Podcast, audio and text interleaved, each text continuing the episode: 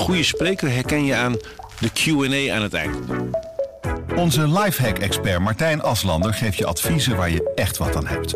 Beluister en bekijk Martijn of een van onze andere experts op businesswise.nl.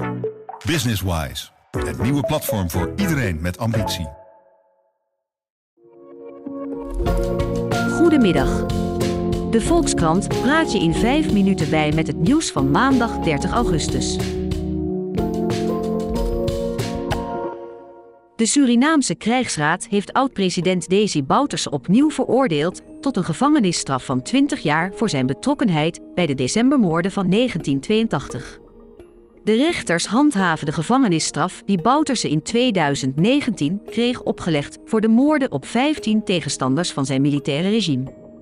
Bouterse tekende toen verzet aan, waardoor de krijgsraad zijn zaak opnieuw in behandeling moest nemen.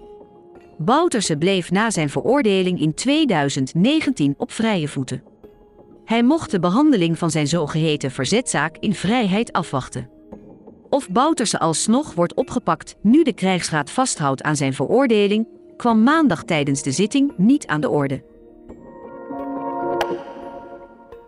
Na bijna anderhalf jaar coronasteun draait het demissionair kabinet nu de geldkraan dicht. Vanaf dit najaar moeten ondernemers zichzelf weer gaan bedruipen. Dat hebben de ministers Stef Blok van Economische Zaken, Wouter Koolmees van Sociale Zaken en Wopke Hoekstra van Financiën maandagmiddag bekendgemaakt. Alle steunmaatregelen, waaronder de loonsubsidie, de zogenaamde nauwregeling en tegemoetkoming voor de vaste lasten, komen per september te vervallen. Alleen ondernemers in de evenementensector kunnen een beroep blijven doen op het garantiefonds van de overheid, omdat zij nog altijd te lijden hebben onder beperkende maatregelen. Amerikaanse militairen zijn maandagochtend op de luchthaven van Kabul beschoten. Zeker vijf raketten werden op de luchthaven afgevuurd. Het Amerikaanse afweersysteem wist de raketten te onderscheppen, waardoor er geen slachtoffers zijn gevallen. De beschietingen zijn opgeëist door de Afghaanse tak van terreurgroep Islamitische Staat. Vorige week donderdag kwamen 170 mensen om het leven bij een zelfmoordaanslag waarvoor Islamitische Staat eveneens de verantwoordelijkheid opeiste.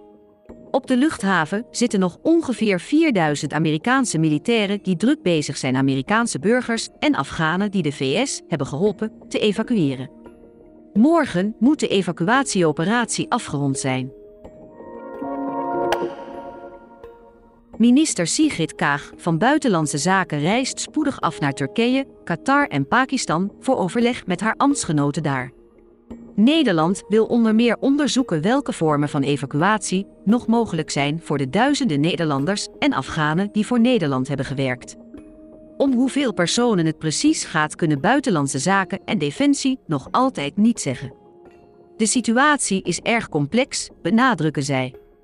Daarnaast wil de minister tijdens haar bezoek ook overleggen over de toekomst, onder meer over de vraag welke rol Nederland eventueel nog kan spelen bij hulpverlening aan Afghanistan.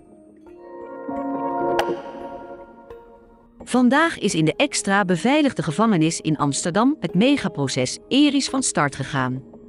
De strafzaak is qua omvang vergelijkbaar met het Marengo-proces.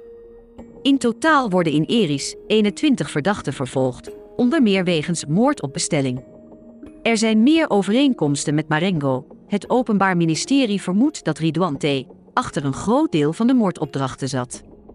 Bovendien speelt, net als in Marengo, een kroongetuige een belangrijke rol.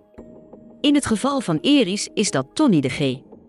Het Openbaar Ministerie benadrukt vandaag de koelbloedige werkwijze van de verdachte en hoe onthutsend het gemak was waarmee over moorden werd gesproken. Ook uit de aangetroffen chatgesprekken op telefoons en computers blijkt, volgens het Openbaar Ministerie, dat er zonder blikken of blozen over liquidaties werd gesproken. Het totale dossier bestaat inmiddels uit zo'n 50.000 pagina's. Naar verwachting komt het Openbaar Ministerie begin 2022 met strafeisen. Dit was het nieuws in 5 minuten van de Volkskrant. Abonneer je op deze update in je favoriete podcast-app. We zijn nog volop aan het experimenteren met dit format en horen graag wat je ervan vindt. Opmerkingen en reacties zijn welkom op innovatieapenstaartjevolkskrant.nl. Tot morgen.